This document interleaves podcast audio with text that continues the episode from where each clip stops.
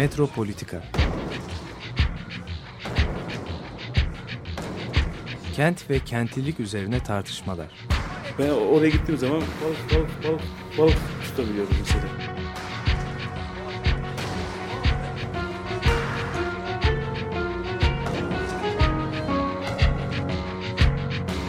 Hazırlayıp sunanlar Aysin Türkmen, Korhan Gümüş ve Murat Güvenç.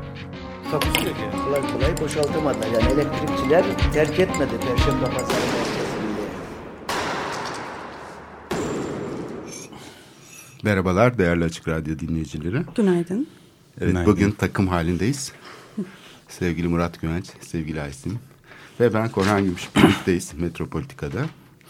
Sabah tuhaf şeyler oluyor e, diye dinleyince Ömer Madrali Mütşahin'i. E, bizim programda çok sanki böyle e, bitişikmiş gibi geldi bana konuşacağımız şeyler ve o yüzden de hani biz bu programda koruma meselesini, koruma, restorasyon, yeniden işlevlendirme özellikle bugün olan biten e, şeyler, uygulamalar bunları ele almayı e, planlıyoruz bu programda. Somut gelişmeler var. Ben geçen haftanın bir takım gözlemlerini ve duyumlarını size aktarayım ilk önce. En tabii flash haberle başlayacağım. AKM yeniden. Atlatma haber. Kimse bilmiyor şu anda. Atatürk Kültür Merkezi yapılıyor. Ama nasıl yapılıyor? Muamma. Fakat e, işaretler çelişkili. Barok olarak. Ee, yok öyle değil. Ee, şimdi Atatürk Kültür Merkezi'nin bir e, şeyi var. Farklılığı var. Ee, mesela miras di- diye konuşuyoruz ya yani kültür mirası falan. Burada tabii bir de kişisel miras tarafı var. Yani bazı mimarların bu konuya sahiden gönüllü destek vermesi. Bu durumu biraz değiştiriyor. Hani bazı konularda eğer bir girişim olursa, bir sivil inisiyatif olursa siyasetin şeyi değişebiliyor. Yani rengi, şeyleri.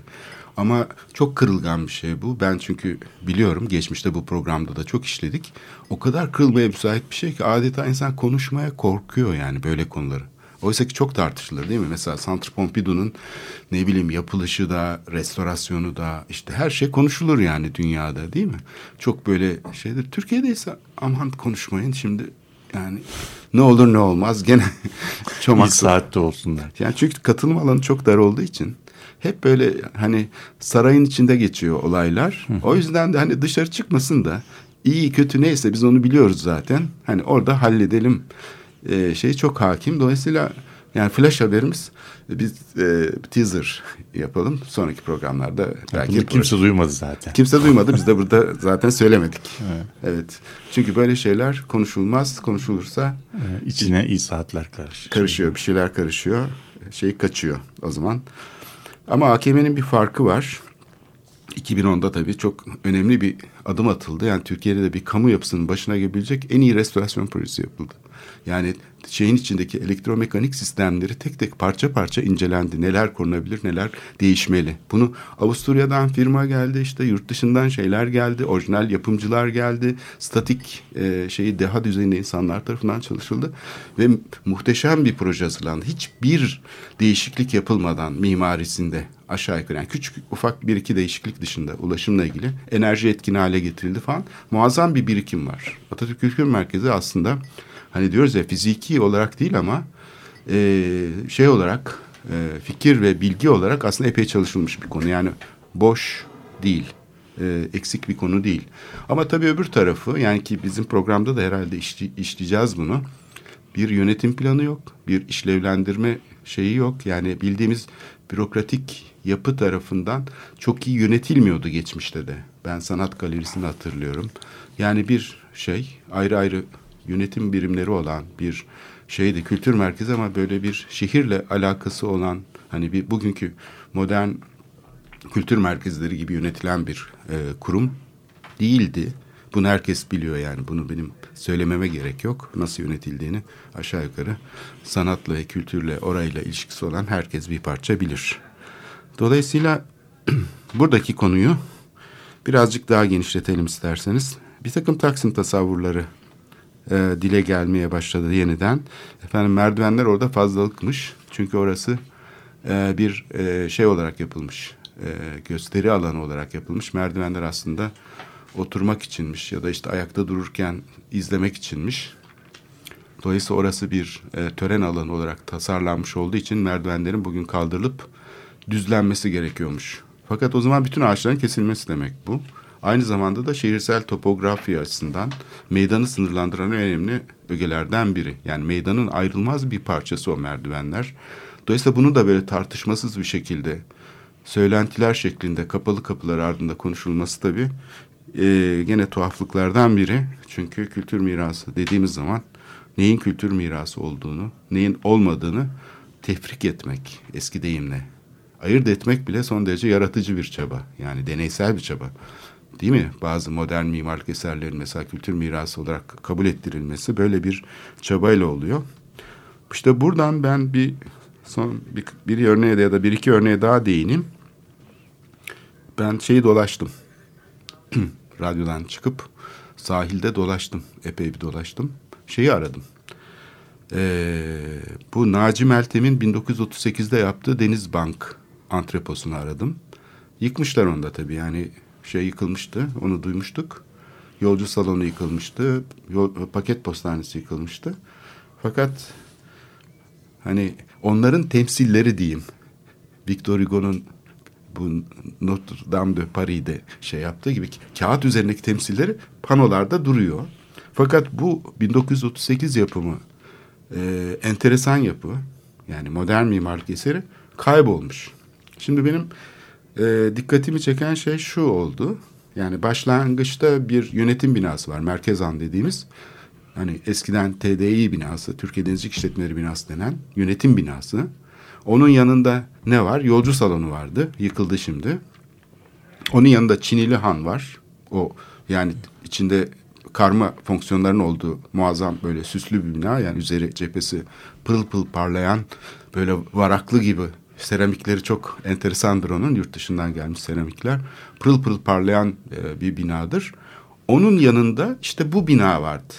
Yani onun yanında hatırlarsanız bu Naci Meltem isimli mimarın yaptığı arkitekte de çok güzel yayınlanmış olan böyle cepheleri şey olan son derece modernist dönü, dönen böyle cepheleri olan e, Cumhuriyet döneminin bu kentteki ilk e, şey yapılarından biri. E, prestij yapılarından biri aslında yolcu salonu ile birlikte. Yani kamu yapısı olarak İstanbul'da yapılmış en önemli kültür varlığı. Ondan sonra da işte bu paket postanesi vardı. Şimdi paket postanesi tabii 20. yüzyıl başının aslında eklektik bir yapısı. Yani paket postanesinin bence özgünlüğü o kadar fazla değil çünkü çok var o tip yapılardan. Tabii yıkılmaması gerekir çünkü şehrin bir kültür varlığı ama tipik yapılardan biri. Naci Meltem'in yapısı ise ünik yapılardan biriydi. Yani eşi benzeri pek fazla bulunmayan şehirde bir başka şeyi ya da başka bir yerde olmayan bir binaydı. Şimdi bu kaybolmuş. Buraya kadar bir tuhaflık yok. Yıktılar, dümdüz ettiler tabii. Tuhaflık şurada. Bu temsiller yani o paket postanesinin temsilleri uzatılıyor gibi geldi bana biraz daha. Yani paket postanesinin hayaleti Naci Meltem'in yapısını yutmak üzere gibi bir hisse kapıldım. Yanılıyor olabilirim çünkü proje hakkında hiçbir bilgi yok. O aradaki boşluk ne olacak? Ee, işte benim kafamdaki soru işaretlerinden biri bu. Ee, yani o binanın yeri boş duruyor. Kapısından bir giriş yapmışlar. Orası artık bir kapıya dönüşmüş.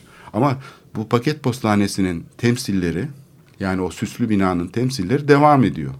Dolayısıyla bu Naci Meltem'in yaptığı modern yapı arada kaynamış olabilir. Onun tescili de yok. Tekrarını da yapmayabilirler ama işte kağıt üstüne aktarılıyor. Kağıttan mekana tekrar geçerken arada bir takım tuhaflıklar olabiliyor. Son bir tuhaflıktan daha söz edeyim. Bu da Karaköy Camisi ile ilgili. Onu biliyoruz. Hani e, panolar kondu. Merzifonlu Kara Mustafa Paşa Camisi. Çok enteresan bir cami. Böyle tam o zaman Galata Köprüsü de şeye doğru biraz daha yakın olduğu için dışarı doğru e, tam ona cephe veriyor. Yani böyle köprüden çekilen fotoğraflarda tam karşımızda anıt gibi durur. Yani bir simge yapı olarak fakat modern bir camidir aslında. Altında da işte e, dükkanlar vardır. Yani cami aslında yukarı alınmıştır yani bu işlev değişikliği de herhalde İstanbul'daki önemli örneklerden biri. İki katında şeyler var, ticari ve işte şey işlevler var, iş e, yerleri var. Onun üstünde e, modern bir cami ama bina bir bütün tabii yani tasarlanmış. Şimdi bunun yıkılmıştı. Yıkılma nedeni bilinmiyor çünkü yıkılması için hiçbir gerekçe yoktu.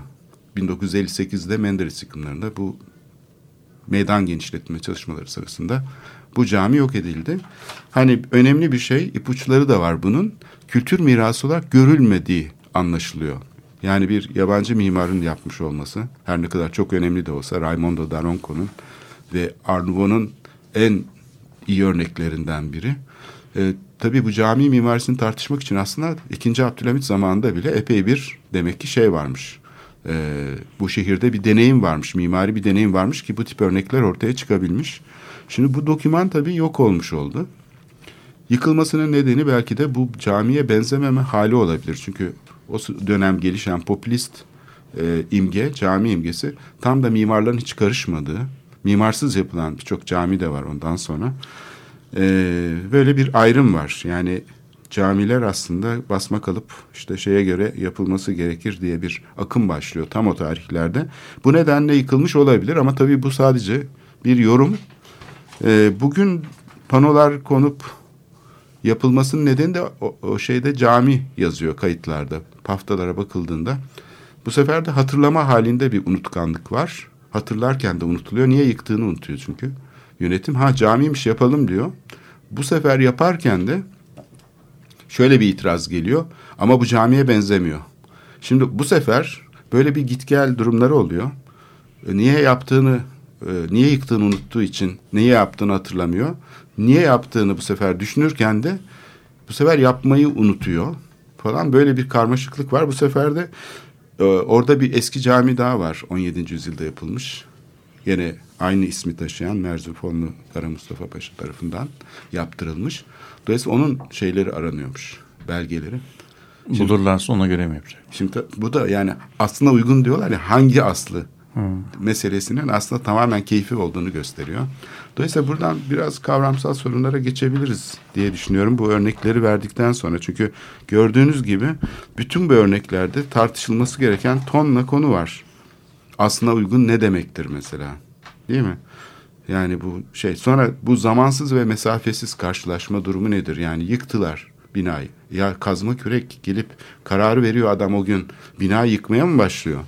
Ondan önce bir siyasal süreç var, bir karar süreci var. Modern toplum hani taş devri metaforu gibi ilk önce yıkalım sonra düşünelim meselesi yok. Yani bir takım kurumsal işleyişler var. Bu tarafta bir e, şeyler var, e, sorunlar var. Sonra yani böyle bir işleyişin e, yeniden işlevlendirme olsun, işte bir bölge dönüşüyor falan. Bunların hepsinde aslında yani kamusal nitelikli kararlar ve müdahaleler şeyleri var. Yani ortamları var. Yani normlar var. Dünyada uygulanan bir takım tecrübeler de var, örnekler var. Dolayısıyla buradaki e, tuhaflıklar biraz bizim bildiğimiz şeylerin sarsıldığını gösteriyor giderek. Yani bizim şu anda edindiğimiz koruma diye, restorasyon diye, şehircilik diye, mimarlık diye, planlama diye edindiğimiz bütün bilgilerin kökten bir şekilde sarsıldığı ya da ciddiye alınmadığı artık bir döneme girdik. Aslında bu, tuhaflıklar e, çağı aslında bunu gösteriyor. Bildiğimiz her şey aslında başka şeye dönüşmekte. Bunların başında da bu kültürel miras 19. yüzyılda da yaşanan bir sarsıntı gibi tekrar bu sarsıntıyı yaşıyoruz e, bu konularda. E, bilmiyorum siz ne düşünüyorsunuz? Yani bu kültürel miras konusu, koruma konusu falan yani kapitalist moderniteyle bir yüzleşme alanı aslında bir bakıma da. Çünkü bir karşılaştırma alanı. Yani geçmişte farklı şeylerde yapılmış uygarlıklar dönemi falan diyoruz ya. Bu karşılaşma aslında kimi zaman semptomatik bir karşılaşma oluyor. İşte bir e, kapitalist modernitenin yaratmış olduğu bir şeye karşı aslında bir direniş biçimi gibi de gözükebilir. Kültürel amneziye karşı işte bir milliyetçilikle vesaire. Bir de bunu sorgulayan, geliştiren, bugünkü üniversitelerin kurulmasına yol açan, mimarlık eğitiminin dönüşmesine yol açan modernlik. Yani bu çerçevede de değerlendirilebilir. Türkiye'nin galiba şu anda bu ikinci kısmında bir şey var. Hasar oluşma durumu var. e, bir kayıp var. Aslında bir bellek kaybı da aynı zamanda. Binalar kaybolmuyor. Ben hep buna işaret etmeye çalışıyorum. Hani binalar kayboluyor diye şey yapıyoruz ama e, yas tutuyoruz. Aslında kaybolan sadece binalar değil. Bizim bu deneyimimiz kaybolmakta şu anda. Yani modernlik deneyimini kaybediyoruz. Ama bu çok uzun zamandır yani sadece bugün değil. Bu bu konuda elde ettiğimiz deneyimleri taşıyabilecek kurumsal şeylerin içinden geliyoruz ama bu kurumların da şeyi artık sarsılıyor gibi geliyor bana. Ben burada e, biraz şeytanın avukatlığı gibi e, şey yapacağım. Yani şimdi bu koruma, m, muhafaza etme, e, işte miras, e, ko, e, konseptleriyle e, biraz e, hemhal oldum dün hani seninle konuşunca telefonda. Ve yani biraz buralarda mı acaba hani biraz daha farklı düşünmek farklı bakış açıları getirmek mi acaba ilginç olabilir? Aslına uygun asıl nedir? Hani öz nedir? Gibi. Hani biraz mesela koruma deyince bu muhafaza etmekten de geliyor. Yani bir aslında neyi muhafaza ediyoruz? Geçmişte olan bir şeyin e, hani geçmişte olan hani adı da ilginç hani geçmiş hani aslında ona olan bir şeyin orada bir şey e, e, bir öz e, taşımış olduğunu bir tamlık olduğunu e, varsayıyoruz ve bunun bugüne gelmesi gerekliliği böyle bir süreklilik çiziyoruz. Yani bildiğimiz tarih anlayışı bu. Evet. tarihe bakış açısı, açısı bu. E, bir zamanlar e, geçmiş bir zamanlar yaşanmış bir tamlık var. E, şimdi burada bir e, köken arayışı var. E, burada hani bu çok aslında son dönemlerde tarih anlayışı açısından sorgulanmaya başlayan ve başka bir hani e, yöntem olarak e, karşısına soy bilimi e, çıkartan başka bir bakış açısı var. Bu anlamda da belki de bu koruma, miras, kültürel miras gibi şeylere e, bu, bu e, tarihe bakış açısını da biraz e, hani e, şey yapmak gerekiyor. Bu anlamda bir çizgi olarak tarih yani bir zamansal bakış açısı yerine aslında mekansal bir bakış açısıyla yani heterojen katmanların üst üste bindiği bir şey olarak bakmak. E, ve dolayısıyla bu her bir katmanda olan e, farklı çatışmalar sonucu rastlantısal bir şekilde binmiş olan noktaları çıkartmak. Yani mesela aslında üç haftadır konuştuğumuz bu köprü mevzu gibi. Yani böyle orada hani Limancı Hamdi'ninden yola çıkarak bakmaya başladığımızda bildiğimiz köprü, bildiğimiz Osmanlı tarihi, bildiğimiz kapitalist tarihi alt üst etmeye başlıyoruz. Dolayısıyla bütün bu baktığımız aslında her mekan, her e, her mekanın her katı neredeyse, her dönemde nasıl e, hani anlamlandırıldığı, nasıl bir sürü çatışmayı yani işte ne bileyim hamallarla e, padişahın çatışmasını ne bileyim işte oradaki Michel Paşa ile hani e, Mamlacıların çatışmasını aslında gösteren bizim için böyle hani e, bir de anda parlayan noktalar bunlar. Hani böyle bir bakış açısıyla yaklaştığımız zaman aslında muhafaza etmek, hafıza, hani bir şeyleri gönderen böyle o sürekliliği hep tekrar tekrar hatırlatan bir şey olması yerine hani farklı bir aslında belki hani koruma denilen şeyi bu binayı korumak değil bu binayı bir hani hani araştırma nesnesi haline düşünmek. Keşfetmek evet. Ve bugünle olan ilişkisini belki böyle kurmak. Yani çünkü e, böyle baktığımız zaman bir şeyi koruyup miras olarak almış ve orada hani bir tarihle böyle bir il- ilişki kurmuş değil. Bugün için çok yaratıcı, farklı bir e, enerji noktası açmış oluyoruz. Hani böyle bakmaya başlamak. E, Dolayısıyla aslında e, bu soy bilimle e, ya bir karşı hafıza pratiği hani bildiğimiz e, düşünme hani hatırlama koruma pratiklerinden tam hani farklı bir şekilde e, karşı hafıza pratiği olarak yaklaşmak.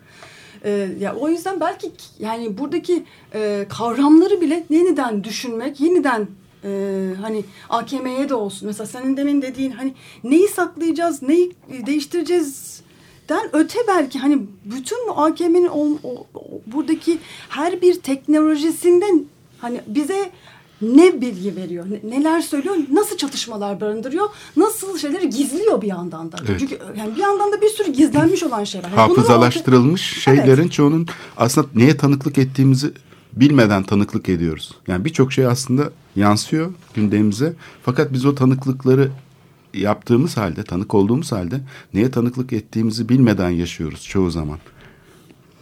E, Foucault şey diyor ya enteresan bir şekilde. İnsandaki hiçbir şeyin başka insanları anlamada zemin olarak e, zemin olacak kadar değişmez olmadığı. Yani aslında anlayamayacağımız da bir yandan da. Bunun yani olmuş olan şeyleri tam olarak birebir anlayamayacağımız ama onlarla nasıl ilişki kuracağımızı yeniden e, düşünmemiz gereken belki bir dönem başlıyor. Çünkü dediğin gibi hani hakikaten modernde ciddi çat, çatlamaların olduğu bir devre- devredeyiz. Yani demokrasi anlamında olsun günlük, gündelik yaşamımıza daha da çok etkileyecek bir döneme girdik. Ya belki de bu noktada hani koruma, miras hatta kültür kavramının dahi yani nasıl gündelik hayattan, yaşamımızdan, materyal gerçekliğimizden nasıl kopartılıp başka metafizik boyutlarda başka bir hani böyle hani geçmişe bağlı sürekliliği olan bir şeymiş gibi konmasında aslında hayatlarımızı ne kadar tehdit eden böyle büyük algılar olduğunu biraz daha görmek ve bu anlamda hani her baktığımız nesneye yani hani e, işte e, orada kalmış olan bir binaya bakış açımıza tekrardan kendi bakış açımıza tekrar bakmaktan bahsediyorum belki de. Evet oraya dönmemiz gerekiyor tekrar tekrar yani. Şeydeki yani bu sabah mesela bu Sur'la ilgili ve Evsel Bahçeli ile ilgili haberi izleyince tabii e, bir süreklilik var mesela bu konuda. Yani tarihi şehri yeniden inşa edilebilecek bir şey olarak görmek ve bunu bayağı hani bir koruma biçimi olarak sunuyor şu anda yönetim. Üstelik de UNESCO Dünya Miras listesinde olan bir yeri. Bu tarihi yarımada da yapıldığı zaman herkes ayağa kalkıyordu. Yani hatta UNESCO e, Süleymaniye geldiği zaman raportörleri UNESCO'nun bu 2006 Vilnius toplantısından önce hatta 2004'te başladı. Minja Yankı'nın o meşhur e, Hürriyet'te tam sayfa yayınlanan manifestosu ile birlikte biz de o sırada Minja Yankı konuk etmiştik e, sonrasında Açık Radyo'ya. Orada şey vardı. Yani siz böyle devam ederseniz liste dışına çıkarılırsınız. Bugün artık böyle şeyler de olmuyor. Yani kurumlar da gevşedi artık. Ya eskiden vidalar daha sıkıymış. Yani siz bu şeyi böyle devam ederseniz Süleymaniye'deki bu binaları yıkıp yıkıp ondan sonra böyle şey taklitleri yaparsanız e, bina, Fransız. Evet. Bu dedi bu koruma değildir. Bu bunun adı başka bir şeydir demişti Min Jae-young o zamanki Dünya Miras Komitesi Başkan Vekili. Ee, ve bayağı bir sarsıntı yaratmıştı. Yani Hürriyet Gazetesi tam sayfa ayırmıştı mesela. Şimdi hani birisi dese ki ya böyle koruma olur mu Allah aşkına falan dese hmm, sen bizi eleştiriyorsun galiba. Hmm, seninki niyetin kötü falan derler. O zaman öyle değildi. Yani taraf olmak kadar kolay e, bir durum değildi. Daha e, tartışılır ve düşünülür bir durumdu dediğin gibi. Çünkü çok farklı şeyler var. Yani bu koruma meselesi aslında birçok şeyi ele veriyor. Mesela bir tek AKM üzerinden Türkiye siyasal tarihi, sınıf meseleleri falan bunlar tartışılabilir. Ya mesela Bülent Tanju'nun o, o nefis bir e, Taksim Meydanı üzerine, hakeme üzerine yazdığı bir Bienal kataloğunun e, girişi olarak yazdığı harika bir metin var zaten mesela hakeme ile ilgili. Taksim Meydanı ile ilgili pardon. Şimdi e, Murat'ın hep dikkat çektiği bir performatif planlama süreci diye bir şey var. Şimdi bir bölge dönüşürken herhangi bir şey değil, bir kamusal müdahale yapılıyor. Yani bir ihtiyaç ortaya çıkıyor. Diyelim ki burası, burası işlevsiz kaldı. Yani işte modern toplum şey yaparken bu kurumları inşa etti. Askeri alanlar, işte gaz fabrikaları, şunlar bunlar, liman. Sonra bir dönüşüm şeyi geçirdi şehir. Bunları dönüştürürken e, kullanılan metotlar var. Bir tanesi doğrudan doğruya e, piyasa odaklı olan işte bizim şu anda yaşadığımız gibi yani müteahhite, yatırımcıya iş veriliyor. Al sen bundan kaç kilo et çıkıyorsa bu kasaplık koyunu sana veriyoruz gibi teslim edilen bir bölge. O da işte kesiyor, kesiyor, biçiyor falan. Kendi maharetini sergiliyor. Yap, yapmak istediğini gerçekten yani kendi şey içinde gayet tutarlı. E çünkü onu yapmak zorunda. Çünkü ona o iş verilmiş. Şimdi bir de başka yöntemler var. Ne bileyim Hamburg limanında uygulanan, işte Liverpool'da uygulanan, Barcelona'da uygulanan, yani aklına verecek bütün limanları sayayım, Cenova'da uygulanan. Bunlarda da başka bir şey yapılıyor. Ne yapılıyor? Bir örgüt kuruluyor ilk önce. Bir de yönetim planı hazırlanıyor. Yönetim planı denen şey Türkiye'de anlaşılmadı. Zannediliyor ki uzmanlar oturuyorlar yönetim planı hazırlıyorlar. Hayır yönetim planı öyle hazırlanıp da uygulanan bir şey değildir. Uygulamalı bir plandır.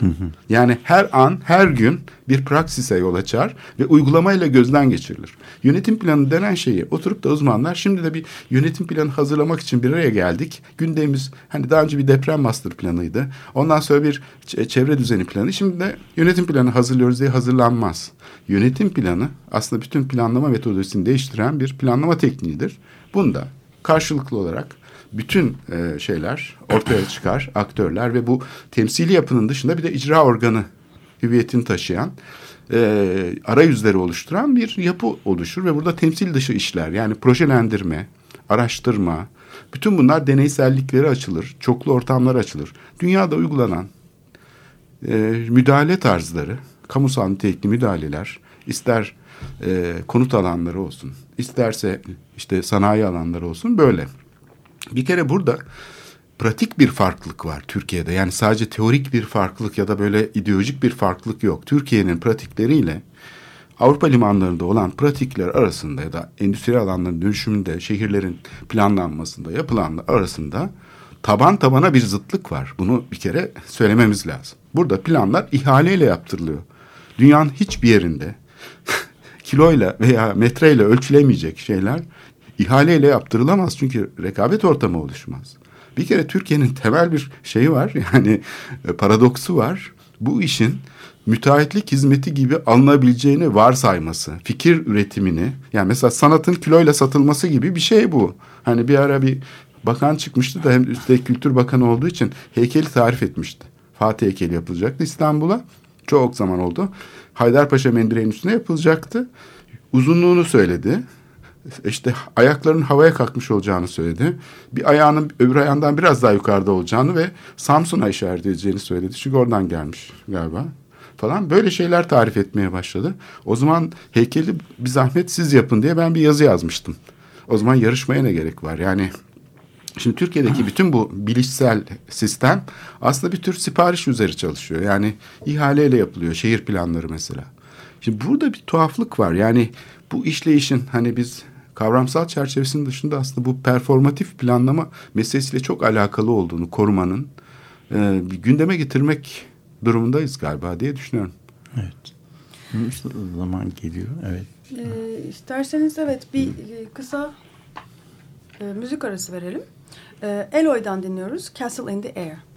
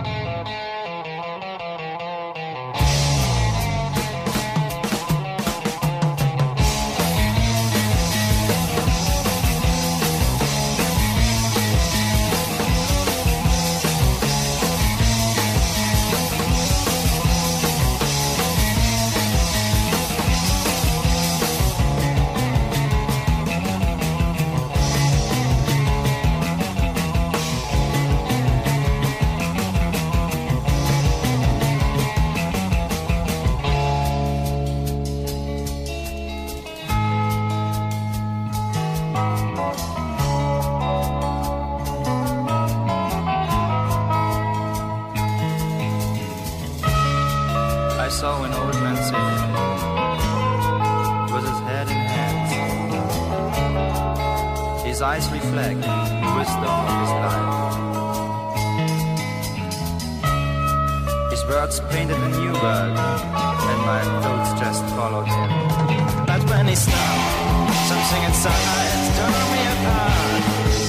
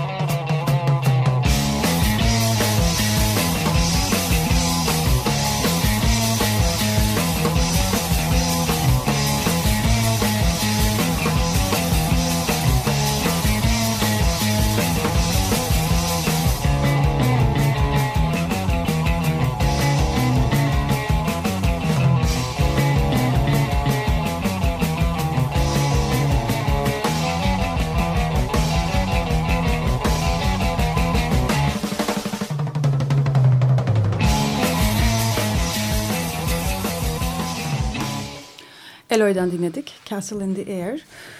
Ee, koruma, e, mekanları koruma, İstanbul'u koruma üzerine e, yaptığımız programa devam ediyoruz. Ee, biraz e, hani muhafaza etmek, korumak, kültür mirası kavramlarını da e, deştik, açtık ama yine İstanbul'u korumaya ve İstanbul'un e, korunmasındaki özgün durumlara şimdi e, geçeceğiz. Evet. Yani şimdi tabii öz, İstanbul e, herkes bana bakıyor. şimdi ne diyeceğim. Şimdi tabii İstanbul'un bu özgün kelimesini biraz üzerine şey yapalım. Yani gerek e, şeyin anlattığı, e, Korhan'ın İstanbul'la ilgili olarak anlattığı böyle hüzün verici e, süreçler aslında bunların büyük bir kısmı yani bunların bir bizim içinde yaşadığımız zamanın ruhuna e, değen tarafları var. Bir de içinde yaşadığımız kentin yapısına e, bağlı olan yerleri var. Yani kentin özgünlüğünden, kentin e, yapısal özgünlüklerinden e, kaynaklanan şeyler var. Yani isterseniz bu koruma problematiğini ben e, şeyden hem Aysim hem e, Korhan biraz bunun kavramsal tarafını, tarihini, işte soy ağacı meselesinin nereden geldiğini filan açtılar. Ben o meseleleri çok fazla e, girmeden biraz İstanbul'da ilgili bunun İstanbul'da nasıl yeni anlamlar kazandığını yani bu kavramların İstanbul'da nasıl yeniden inşa edilip kurulduğunu e, ve neden bizim bu İstanbul'un merkezine müdahale etmeye doyamadığımızı e, anlatmaya çalışayım. Bir şeyden başlayalım. E, Anvers dünyanın en büyük şehirlerinden bir tanesi. Yani Anvers şehri hakikaten bir liman e, şehri olarak işte Atlantik'e açılan uzun bir şey. Tıpkı Rotterdam şey gibi. Brüksel'e çok yakın değil mi? Şu Brüksel'e çok yakın. Yani 30 dakika 30 dakika. 30 dakika. İçinden Esko diye bir nehir geçiyor. O nehrin de böyle Atlantik'e bağlanan belki 10-15 kilometre uzunluğunda bir şey var. Yani bir kanal var. O kanalda giderek bizim Haliç gibi böyle daralıyor. Anver şehri de bunun oldukça daraldığı bir e, yerde yapılmış. Eskiden limanda bu Anver şehri de çok yakın bir yerde duruyormuş. Ama Anver şehri büyüyünce, liman işlevleri büyüyünce bu oradan geçen nehir de Ren Nehri'ne filan kanallarla bağlanıp Avrupa'ya giden büyük bir su yolu oluyor. Ve liman artık bu nehirle yani bu şehirle Atlantik arasındaki 10-12 kilometrelik alanın tamamı liman olmuş. Ama eski liman şehrin ortasında duruyor. Yani sundurmalarıyla bilmem neyle. E, korunuyor. Yani e, duruyor, korunuyor. Kullanılıyor hatta. Tabii korunuyor. İnsanlar orada geziyorlar. E, müzesi var. Müzelerde dolaşıyorsun. Eskiden oraya nasıl gemiler yanaşırmış. Yani on, onları görebiliyoruz. Bizde pek olmuyor. Şimdi bizde mesela biz bu limanı koruyamıyoruz. Şimdi mesela bu koruyamama e, durumun içerisinde bir bize özgü e, taraflar var. Bir de yere özgü taraflar. Ben yere özgü taraflara biraz değineyim. Ve İstanbul'un niye böyle e, bu koruma konusunda bir yerel e, bağlamından gelen zorluklardan bahsedeyim. Bir tanesi şu ve içinde bulunduğumuz dönemde bu niye çok daha eskiye oranla acil oluyor? Belki orada bir tartışma şeyleri açabiliriz. Şimdi İstanbul'un e, İstanbul'un üç tane yakası var. Bir tanesi işte Haliç, Haliç'le Haliç eski İstanbul'la Beyoğlu'nu ayırıyor. Bir de şeyin e, ortasından geçen bir nehir var. O da işte biz ona Boğaz diyoruz. Fakat o Boğaz bir nehir olmak için fazla geniş, deniz olmak için de fazla dar. Suyu da şey içilebilir olmayan acayip bir yer yani İstanbul. Ancak turşu yapılır. evet turşu yapmıyor. Şimdi bu, e, bu Laker'da yapılıyordur. Evet bu e, bu yapı aslında e, Güneydoğu Avrupa şehirlerine ben bunu daha önce de zannediyorum anımsıyorum söyledim. Güneydoğu'da Güneydoğu Avrupa'da böyle bu yapıda şehir yok. Çünkü İstanbul Güneydoğu Avrupa şehirlerinin bir dağın yamacına e, yaslanmaları gerekiyor. Dağ da Güneydoğu Avrupa'da çok değerli bir şey. Dağa yakın olmak. Bu şeye kadar da gidiyor. Ee, yani e, Doğu Akdeniz'e kadar gidiyor. Beyrut böyle, İzmir böyle, Ankara böyle, Bursa böyle. Say sayamayacağımız kadar böyle, Muğla böyle yani daha lazım. Volos böyle, Selanik böyle yani şehirlerin arkasında bir dağ olması lazım. Niye bu? Çünkü bizim bulunduğumuz coğrafyada ekolojik olarak yağış rejimi çok kestirilemez özellikler gösteriyor. Bazen yağmurlar çok da so fazla geliyor ve onun arkasından 7 seneye 8 seneye varan kuraklık dönemleri oluyor. Bu kuraklık dönemlerinde şehri suyla yani şehrin su ihtiyacını karşılayabilmesi için e, dağ olmaz ise o tarihte eski zamanlarda baraj yapmak da çok pahalı olduğu için e, bir imkan yok. Dağlar ise doğal su depolarıdır. Dağdan suyu almak mümkün olabilir. Anladın mı? Şimdi İstanbul'da İstanbul'da maalesef dağ yok. Dağ olmadığı için ama çok e, cazip bir coğra coğrafi pozisyon var. Bu coğrafi pozisyon nedeniyle e, karar İstanbul'un kurulurken çok zor bir karar verilmiş. Ve su olmadığı biline biline İstanbul'da İstanbul'da kurmuş bu şeyler Konstantin. Onun. Ama ondan sonra da ondan sonra da o kuruşla beraber dünyanın en büyük su e, tesislerini yapmış. Yani mesela bugün şehrin ortasındaki bu e, Bozdoğan kemeri, oraya su getiren işte bilmem dağ şeyleri, vadileri geçen büyük su akvadaklar, hani su kemerleri. Yani İstanbul'un çok zengin bir ve bu eskiden bu İstanbul'a ne kaldı diye baktığın zaman su kemerleri, sarnıçlar ve su yolları kaldı. Yani onun haricinde çok fazla bir bir şey de kalmadı. Fakat bu sistemin şöyle bir özelliği var. Bu şehir, bu şehir üç yakalı olduğu zaman, üç yakalı bir şehir ve tarihi yarımada da işte yani o Suriye İstanbul'da.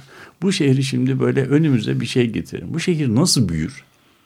Bir kuzeye doğru büyür. Doğuya doğru büyüyebilir. Yani Anadolu tarafına göre. Batı tarafına doğru da büyüyor. Yani üç tane büyüme ekseni var.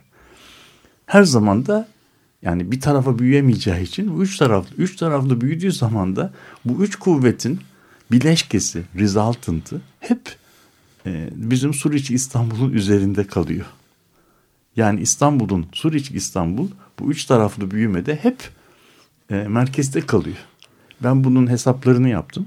1960 yılından ta bugüne kadar İstanbul'un ağırlık merkezini hesaplarsan hep e, Eminönü'nde çıkıyor. Eminönü hep merkez oluyor. Yani lineer olarak e, doğu batı ekseninde gelişmesi yetmiyor. O, bir de yukarı gelişiyor. Güzel, yani, ama o, o kuvvetler birbirini bir şekilde e, nötralize ediyor. Ve şehrin merkezi alanı hep şeyde kalıyor.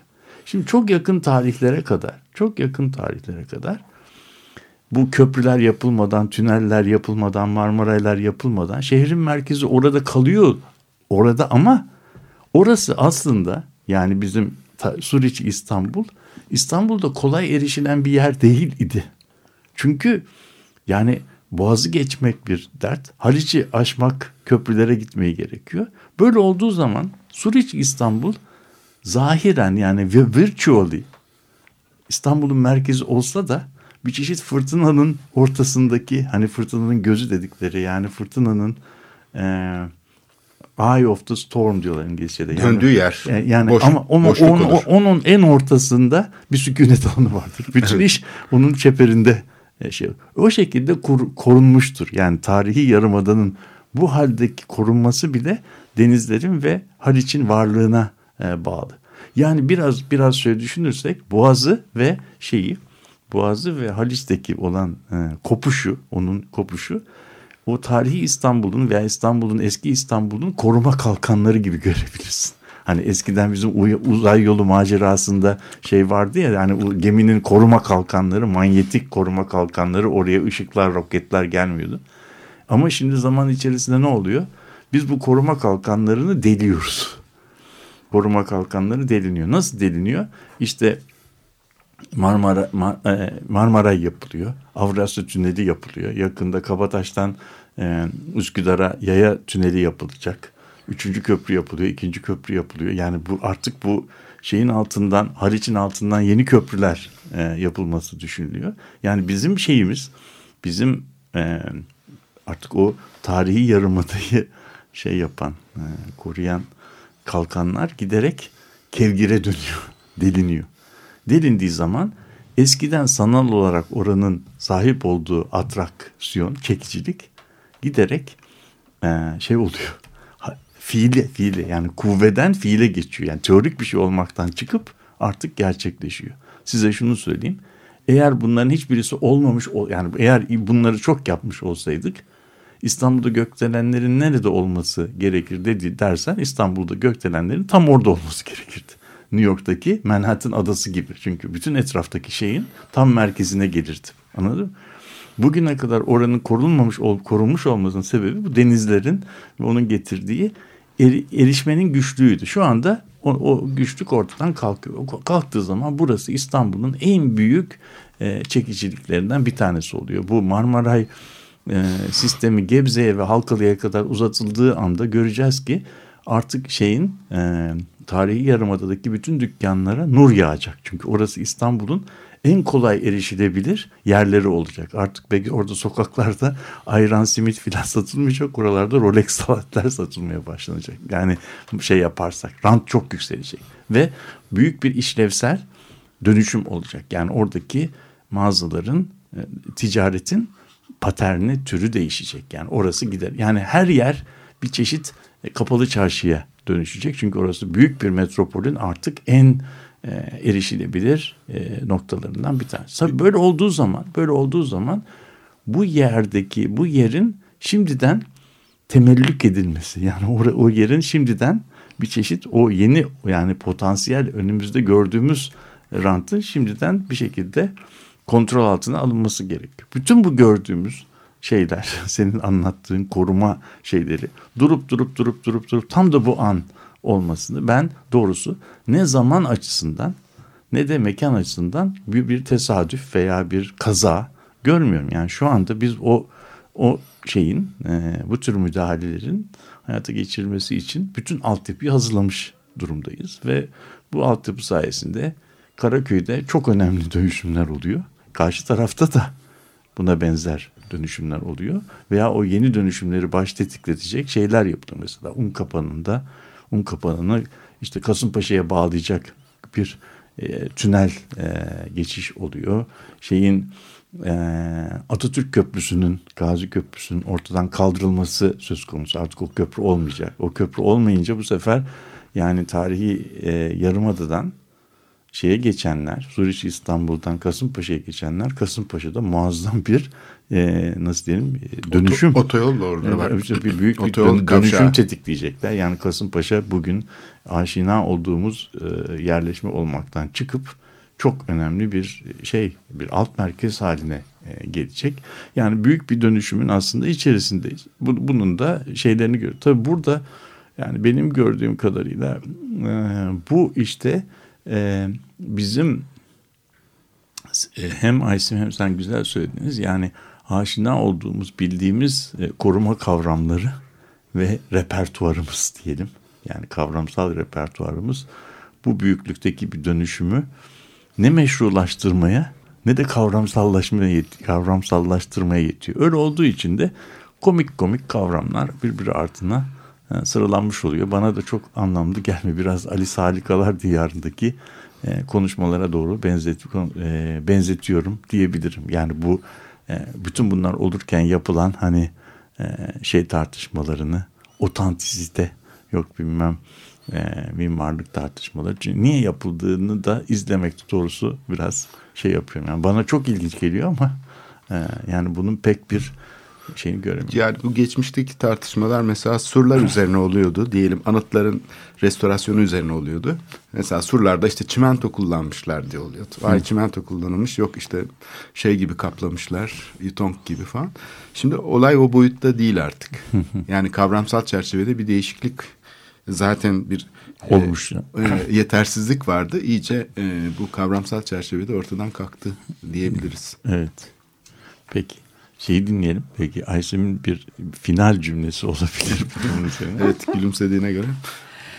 Ee, Valla e, ben tekrardan hani bu e, üç haftadır da konuştuğumuz bu köprü meselesinin e, bu yeni bakış açısı açısından ne kadar önemli bir kere daha önemli olduğunu vurgulayarak gerçekten e, yani bu özellikle e, şimdi aslında iki taraftan bahsediyorsunuz. Bir yandan e, tarihi yarımada, diğer yandan da Hı. Kasımpaşa diyorsunuz, Galata diyoruz, Karaköy diyoruz. Yani bu hani merkez aslında böyle bir merkez değil mi? Yani, Tabii. Yani böyle bir noktada. Bir de bir de şey üzerinden yani bu Marmaray ve bu Avrasya Tüneli'yle beraber böyle bir artık Kadıköy moda yer değirmeni tarafında yeni bir uç merkez. verdiği bir e, nokta var. O, o da şimdi belki eskiden Cihangir'de olan şeylerin bir kısmı bugün yel değirmenine e, taşınmış. Ya böyle bir merkez. Yani aslında merkez hani o merkez ben, yıl, yüzyıllardır olan merkez belki devam ediyor ama ama mer, bu merkez biraz genişleyerek uç veriyor, şey yapıyor. Evet, uç yani. veriyor. Hani bütün hani bu coğrafi şeyle e, yani mekansal şeyiyle belki daha fazla ilgilenmemiz gerekiyor. Yani bu Tabii. zamansal şeyden evet. yani zamana bakışı mekan üzerinden artık belki yapmamız gerekiyor. Evet, evet. Yani, yani tarih, geçmiş, bugün, şimdi, yarın geleceğimiz nereye ilerliyoruz falan evet. tartışmasından çok daha önemli bir tam, mekansal tam, evet. e, failler var. Evet. Mekan ve evet. pratikler. Tamamen evet. tamamen katılıyorum. Siyasetin yani, kavramını değiştiriyorsun. Yani siyaset bir e, şey sonra da uygulanması değil. Yani, tabii. Bu karşılıklı bir ilişki içinde. Dolayısıyla siyaset kavramını gözden geçirmek. Yani, yani işte mekansallaştırmak. Bu, bu siyaset siyaset artık bu son krizlerde gösteriyor ki siyaset böyle bir e, aslında koreografi gibi bir şey oluyor. Evet. Yani e, bir bale gibi yapıldığı anda e, var. Eylem bittiği anda da siyaseti izleme imkanı bitiyor. Yani o yüzden artık seçimler, şeyler böyle bir çeşit teatral gösterilere e, dönüyor. Böyle aslında olduğu böyle mesafesiz oldu, bir şey değil. Evet, bu çok mesafe evet, ve zaman evet, boyutu evet, içeren evet. bir konu böyle aslında. olduğu zaman da böyle olduğu zaman da bunun bu performatif niteliği nedeniyle de e, statik kavramlarla ve değişmez e, olduğu düşünülen kavramlarla ve de e, maddi maddi hayattan kopuk kavramlarla şey yapılamıyor, yakalanamıyor. Yani bunun dinamiği. E, o yüzden bizim yani zor bir şeydeyiz. zor bir dönemdeyiz. Bunu bunu bunu düşünmeye yeni baştan başlamamız lazım. Bu evet. programda biraz her seferinde böyle şeyler bitiyor. evet. Ancak başlangıç böyle olabiliyor. evet. Bildiklerimizi tekrar düşünerek Düşünmek, evet. başlam oradan başlamak gerekiyor. Herkese iyi haftalar dileyelim. Galiba programı bitiriyoruz burada. Evet, evet iyi haftalar. Evet. İyi haftalar.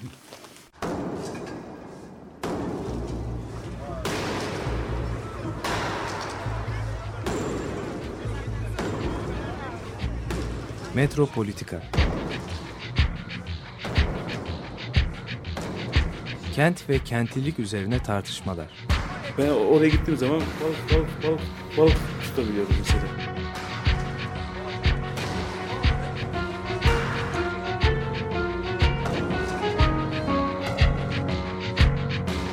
Hazırlayıp sunanlar Aysin Türkmen, Korhan Gümüş ve Murat Güvenç takusuyor ki. Kolay kolay boşaltamadılar. Yani elektrikçiler terk etmedi Perşembe Pazarı merkezini. Açık Radyo program destekçisi olun. Bir veya daha fazla programa destek olmak için 212 alan koduyla 343 41 41